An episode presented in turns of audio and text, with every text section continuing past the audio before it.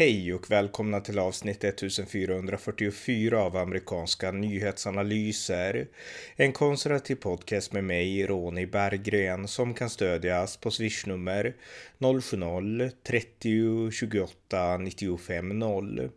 Idag den 7 december 2021 är det 80 år sedan japanerna attackerade USAs Stilla havsflotta vid Pearl Harbor. En attack som gjorde att USA som gensvar gav sig in i andra världskriget varefter historien aldrig skulle bli densamma.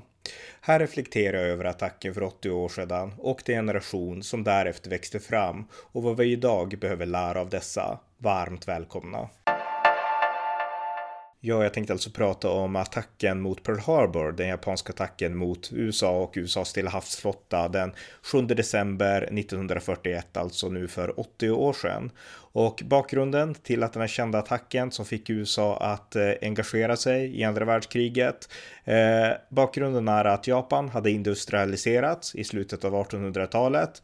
Japan var ett land som i århundraden hade levt och lyckats leva isolerat och hålla västmakterna utanför de europeiska kolonialmakterna.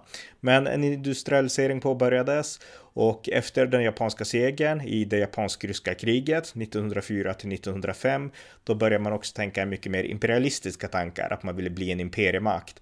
Det fanns en diskussion inom Japan bland mellan Ehm, ja, inter, imperialister och de som ville fortsätta vara isolerade. Men militaristerna, de som ville erövra, de vann till slut. Och den här processen påbörjades och Japan blev en mycket brutal eh, imperiemakt. De gjorde fruktansvärda massakrer innan Jing i Kina, i Korea och i stora delar av Asien.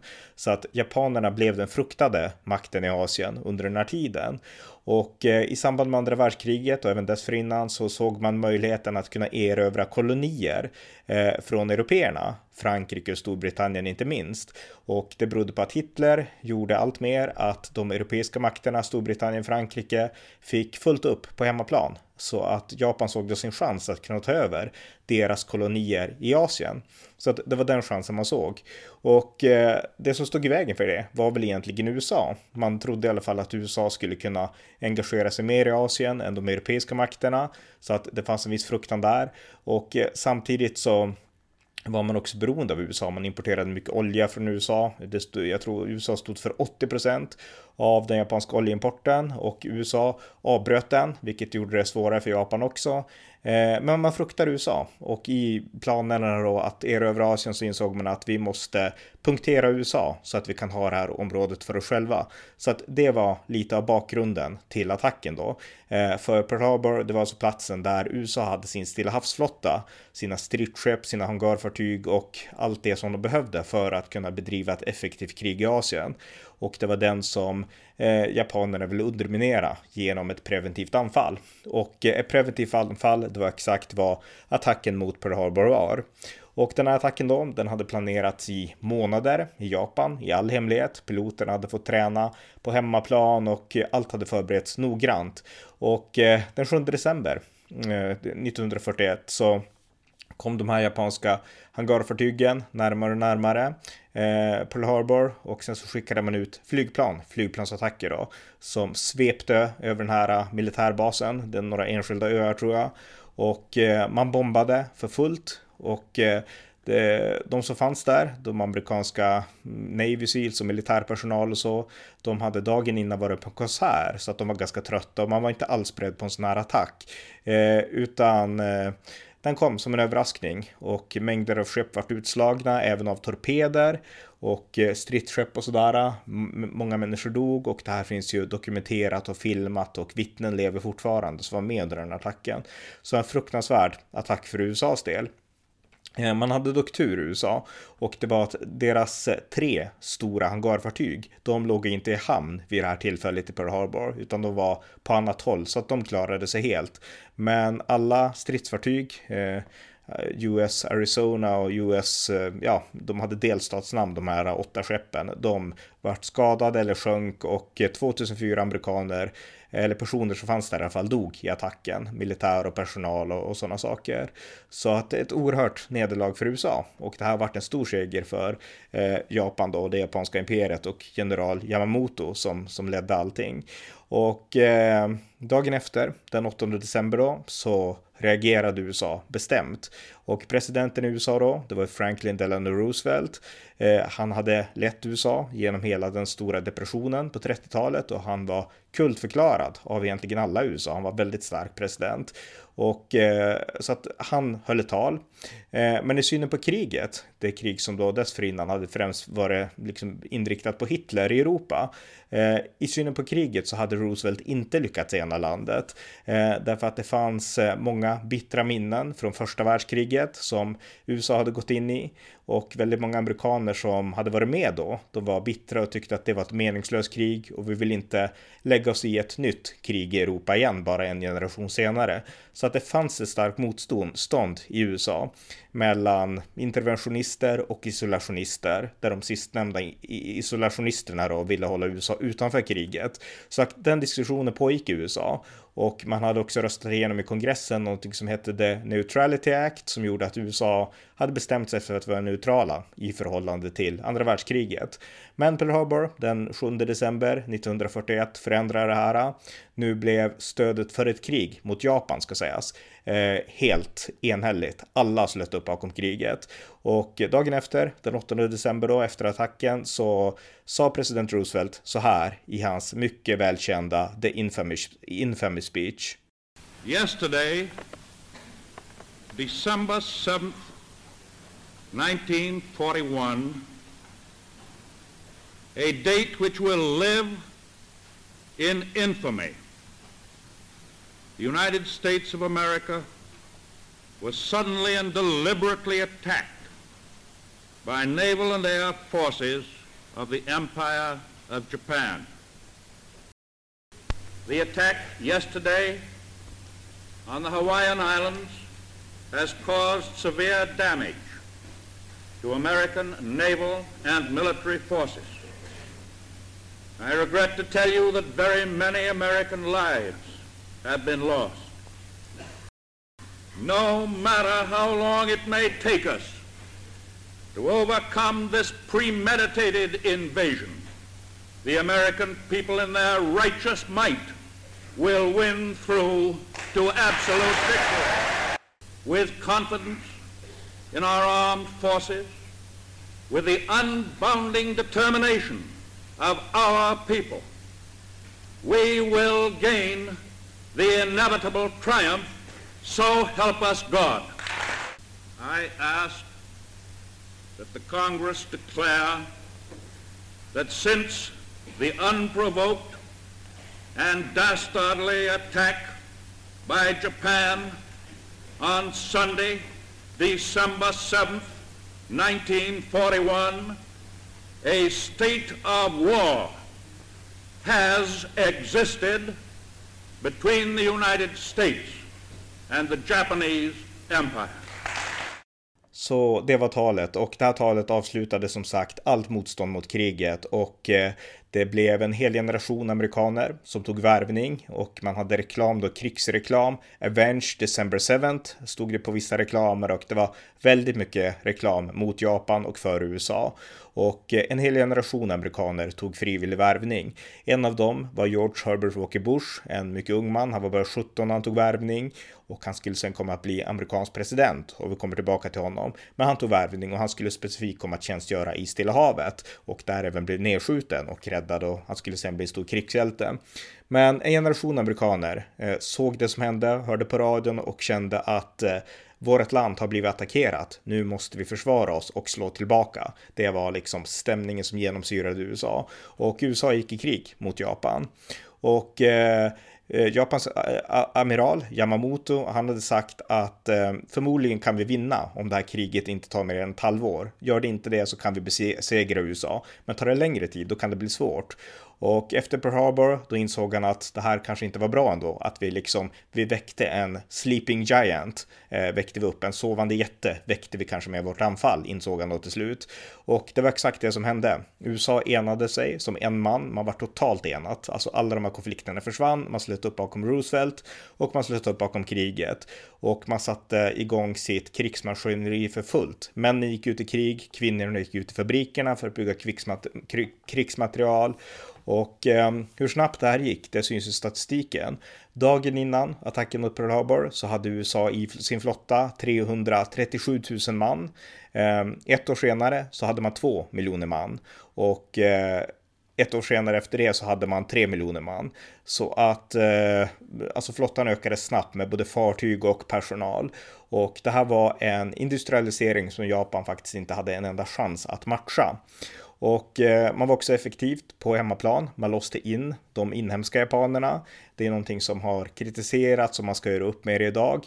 Men på den tiden så var man väldigt tydlig att japanerna som bodde i USA, på västkusten främst, de kunde vara ett hot. Man visste inte om man kunde lita på dem, så Roosevelt lät internera dem under kriget. Sen släppte de dem ut efteråt såklart då. Men under kriget så var de internerade för att man betraktade dem som möjliga femtekolonnare. De flesta var ju absolut inte det, bör sägas. Det är viktigt att betona det. Men det här var någonting som man ansåg rationellt och rätt där och då. Så att det gjordes på hemmaplan. Um, I Stilla havet så fick till slut då general MacArthur eh, befäl där eh, över de amerikanska styrkorna i Stilla havet. Och eh, han hade en strategi att eh, gå in eh, på olika öar, mindre öar, alltså inte de här stora slagen, utan gå in på ö efter ö för att besegra eh, en japansk styrka som fanns där och på så vis skära av kommunikationen till en annan ö. Alltså kommunikation då var ju inte lika effektiv som idag, så att gjorde man det så kunde man bryta japanernas kommunikationskedja. Det var eh, General MacArthurs strategi och den var, den var liksom eh, en effektiv strategi. Eh, sen var det också så här att attacken mot eh, Pearl Harbor, det gjorde också att eh, Europa, framförallt Storbritannien, blev väldigt nöjda med att USA gav sig in i kriget. Eh, USA förklarade visserligen bara krig mot Japan där i början och sen så skulle Hitler göra en krigsförklaring mot USA som skulle få in USA ännu mer aktivt i Europa. Men eh, Churchill var nöjd och eh, tillsammans med Eh, med Roosevelt så beslöt han och eh, andra rådgivare till de här två ledarna att man skulle fokusera först på kriget i Europa och besegra Hitler och sen så skulle man, eller rättare sagt amerikanerna, få ta itu med Japan. Och eh, tanken här det var att eh, Storbritannien var så illa ute att om man inte tog itu med Hitler först så skulle kanske britterna falla. Så att det gjorde man först och eh, det man då gjorde med Japan i början, redan från början då, det var att man skulle engagera sig i strider, men man skulle inte fokusera på totalt besegra Japan, utan bara liksom skydda sig och liksom hålla fronten och sådana saker. Så att första delen av andra världskriget, kriget det var ett fokus på Tyskland eh, och den andra delen då ett fokus på Japan kan sägas. Men det pågick ju hela tiden det här kriget i Stilla havet, men sen så intensifierades det efter efterhand. Och eh, det var i mångt och mycket, det var en del sjökrig, men det var också många slag vid öar. Det första slaget, det var slaget vid Guadala kanal, Galada-kanal, jag kan inte uttala det, jag har inte läst om det så mycket, men det var i alla fall den 7 augusti 1942, alltså nästan ett år efter Pearl Harbor. Och eh, det var ett krig på en ö i en djungel och USA vann och sen så fortsätter man till Guam och stred mot japanerna där. Och det var ju väldigt tuffa strider i många avseenden så ja, förlorade amerikanerna mängder av män och japanerna förlorade också många. Och eh, en skillnad i mentalitet, det var att USA gjorde det man kunde för att rädda sina egna. Eh, jag nämnde att eh, MacArthur försökte skärma av japanerna genom att besegra olika styrkor på olika öar. Och eh, när det skedde så lämnade man japanerna där med japanska Armén gjorde ingenting för att rädda sina egna, medan när amerikanerna var isolerade eller övergivna så hade USA en specialstyrka, en räddningsstyrka som åkte runt för att rädda liksom strandsatta eller sjösatta amerikaner. Så att eh, en skillnad på människoliv. I Japan så betraktade man eh, sina soldater som kugghjul. I USA så betraktade man sina egna soldater som individer. Så att den skillnaden är ganska intressant att ta i akt. Och i takt med att kriget liksom avancerade och USA närmade sig Japan mer och mer för att Japan pressade sig bakåt då blev japanerna desperata. Man började använda kamikazepiloter, alltså piloter som ja, hjärntvättades att hedern, kämpa för hedern och det japanska hemlandet och ha kejsaren som din gud ungefär och sen så kan du utföra en hedersattack eller liksom en självmordsattack, kamikaze-attack eh, mot, ja, mot eh, amerikanska skepp till exempel med, med flygplan. Så att det är en av de här sakerna som japanerna varit kända för under kriget då. Men USA kom närmare och närmare och eh, alla känner ju till atombomberna såklart mot Hiroshima och Nagasaki där på hösten 1900 45, men redan innan så hade man börjat eldbomba, om det var napalm eller andra bomber, Tokyo och mängder av liksom japanska städer. Så att japanerna hade börjat bli vana vid de här tunga, kraftiga bombanfallen från USA. Hundratusentals japaner dog här ska sägas. Så att atombomberna kom faktiskt senare. Och eh, atombomberna, eh, de tänkte man skulle avsluta kriget helt. För att poängen är att Japan gav inte upp. Och eh, Harry Truman, som presidenten hette i slutet, Roosevelt dog ju där, 1900, dog han början av 45 eller slutet av 44. Men de sista månaderna av kriget fick eh, president Truman, hans vicepresident, att ta över. Och eh, han bedömde att för att totalt besegra Japan så be behöver man invadera det japanska fastlandet. Och det kommer att kräva ungefär en halv miljon amerikanska liv att besegra japanerna. Och därför är det bättre att använda det här nya vapnet som vi har uppfunnit, alltså atombomben. Och eh, atombomben beslöt han att använda. Och eh, han skriver i sina memoarer inför bomben då mot Hiroshima den 6 augusti att, eh, att eh, ja, dels så gav man vid Potsdamskonferensen Japan ett val, kapitulera eller ödeläggas. Japan sa nej och bomben fälldes. Och eh, Harry Truman, han skriver så här i sina memoarer då över den här bombningen mot Hiroshima. Det var i avsikt att bespara japanska folket den totala förstörelsen som vi den 26 juli sände ut vårt ultimatum från Potsdam. De japanska ledarna avslog det utan vidare. Om de inte antar våra villkor kan det vänta en ödeläggelse från luften utan tidigare motstycke. Och Japan fick nu tre dagars betänketid och när de inte kapitulerade då fällde man en atombomb till över Nagasaki och efter det så kapitulerade Japan villkorslöst. Och eh, när det här beskedet nådde de amerikanska styrkorna i Europa, eh, Hitler var ju besegrad nu och tanken var att de skulle skeppas vidare för den här blodiga invasionen av Japan. Då brast de ut i glädjetårar, för nu visste de att kriget är över och vi behöver inte dö i ett blodigt krig mot japanerna. Så att atombomberna avslutade kriget väldigt tydligt. Och Eh, Eh, det här var ju, det här var stort och eh, USA var nu världens supermakt. Hitler var besegrad och Japan var besegrad. Eh, men USA valde att inte bygga ett imperium på det sätt som Hitler försökte göra och på det sätt som Japan försökte göra, utan man ville att länderna skulle behålla sin självständighet och det gäller även Japan. Eh, Truman skriver också sina memoarer vi hade vunnit kriget. Jag hoppades bara nu att de tyska och japanska folken skulle rehabiliteras under ockupationen. Förenta Staterna önskade inga territorier, inget skadestånd. Det hade jag tillkännagivit i Berlin. Fred och trivsel för alla folk var det mål som vi hade kämpat för och skulle fortsätta arbeta för. Det hade aldrig förekommit i historien att en stor segrare intog en sådan ståndpunkt. Inget land med Förenta Staternas militära makt hade varit så ädel mot sina fiender och så hjälpsam mot sina vänner. Och eh, ja, eh, det som hände då efter det, det var att eh, USA ockuperade Japan och man byggde upp en demokrati i Japan. grunden till mm, den japanska demokratin är den amerikanska konstitutionen och Samtidigt så lät man Japan behålla sin egen kultur. Man koloniserade inte Japan, utan Japan fick behålla sin egen kultur, sin egen religion, sin egen särprägel. Man fick behålla kejsaren, men man skulle bli en demokrati. Och samtidigt så blev USA och Japan väldigt nära vänner. Och eh, de är fortfarande jättenära vänner, de här två. Och eh, jag nämnde tidigare George Herbert Walker Bush som alltså tjänstgjorde i Stilla havet och han vart nedskjuten eh, där av japanerna. Han vart räddad så han överlevde men hans pilot dog eh, och så. Eh, när han kom hem från kriget så gick han vidare i livet då och han kände ingen bitterhet och sådär. Och han blev president efter presidentvalet 1988 efter att ha varit Ronald Reagans vicepresident så vann han och blev själv president. Och 1991 när det alltså var 50 år sedan eh, attacken mot Pearl Harbor då talade George Herbert Walker Bush i egenskap av president på minnesceremonin i Pearl Harbor och eh, då förklarade han den här oerhörda eh, omställningen som hade skett i Japan tack vare USA. Så här sa George Herbert Walker Bush 1991. We crushed totalitarianism And when that was done, we helped our enemies give birth to democracy.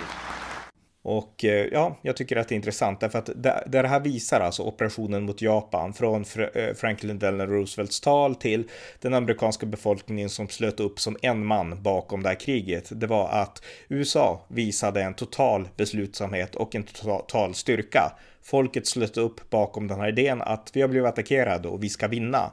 Och eh, när man vann så gjorde man inte det genom total terror. Det var visserligen fruktansvärda bomber som används. Det var som man krigade på den tiden. Men det gjordes utifrån en beslutsamhet. Fred genom styrka. Vi ska besegra våra fiender totalt, men när det är gjort, då ska vi ha fred. Och den inställningen tycker jag är otroligt intressant. Och eh, det här är också Eh, ja, det här blev också början, attacken mot Pearl Harbor 1941 på Pax Americana. Det var slutet för den här amerikanska eran av isolationism som USA ändå har haft i hela sin historia. Eh, man gjorde ett försök att, ja, att gå in i första världskriget då, men sen återvände man ju till liksom isolationismen under mellankrigstiden. Men Pearl Harbor, det, det gjorde att USA blev en blev världens starkaste makt, militärmakt och efter Eh, den 7 december 1941, för 80 år sedan nu, så har USA lett den fria världen och varit den fria världens främsta försvarare. 80 år av Pax Americana, alltså när det amerikanska militärparaplyet har avskräckt totalitarism och skyddat andra demokratier. Europa har ju levt i fred i 80 år, västra Europa och i synnerhet, tack vare det här amerikanska militärparaplyet Pax Americana. Och det är en konsekvens av liksom det som USA beslöt att göra i samband med attacken mot Pearl Harbor 1941. Så att jag tycker att det är ganska intressant.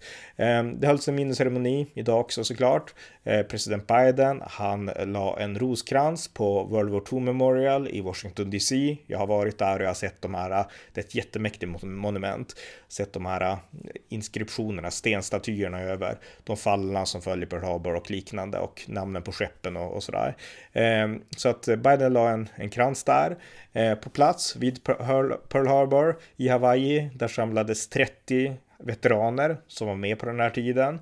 De är nu kring 100 år gammal, gamla och eh, eftersom de här stora minneshögtiderna hålls liksom jämnt vart tionde år ungefär eller ibland vart, vart femte år då eh, så innebär det att det här är förmodligen den stora sista ceremonin när någon som var med fortfarande lever, för nu är det inte så många kvar.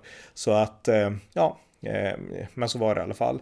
Och Eh, Eh, det här uppmärksammas såklart överallt i amerikansk media och det är viktigt att uppmärksamma. Den här generationen brukar kallas för the greatest generation. Jag tror, tror att det var den här författaren och journalisten Tom Brokaw som kom på det begreppet och det har använts i några årtionden om krigsveteranerna från andra världskriget. Och de börjar nu gå ur tiden. George Herbert Walker Bush, han dog 2018 och bara häromdagen så dog också Bob Dole. Jag nämnde, nämnde det i en tidigare podd. Och Bob Dole, han var ju en krigsveteran han också. Han tjänstgjorde visserligen i Europa, men han var med i andra världskriget och han blev republikanernas presidentkandidat 1996 där han utmanade och förlorade mot Bill Clinton. Men han är också död och de flesta av de här krigsveteranerna som var med, antingen i kampen mot Hitler eller kampen mot Japan, de är nu döda. Eh, men det är viktigt att komma ihåg dem, för de gjorde något oerhört stort. Alltså det var de som vände historien och banade väg för Pax Americana genom beslutsamhet, genom principen fred genom styrka. Så att vi, även vi som lever i Europa, vi har väldigt mycket att vara tacksamma för till den här generationen amerikaner. Så att det är väl det som jag vill lämna eh, liksom i, i, i er åtanke när ni har lyssnat på den här podden. Eh, sen kom det en ny attack den 11 september 2001 som har många likheter med attacken mot Pearl Harbor. Men det är en annan diskussion som jag har pratat mycket om förut också. Så att i det här avsnittet håller vi oss till att eh, nämna det som jag har nämnt nu, nämligen att det är åtta år sedan attacken mot Pearl Harbor och The Greatest Generation, de som då tog värvning när de såg sitt land bli attackerat och räddade en hel värld från totalitarism. Den generationen är nu på väg ur tiden, men vi måste komma ihåg dem och vi måste lära från det exempel som de gav. Det var avsnitt 1444 av amerikanska nyhetsanalyser. En konservativ podcast som kan stödjas på swishnummer 070-30 28 95 0 eller via hemsidan på Paypal, Patreon eller bankkonto. Det var allt för idag. Tack för att ni har lyssnat.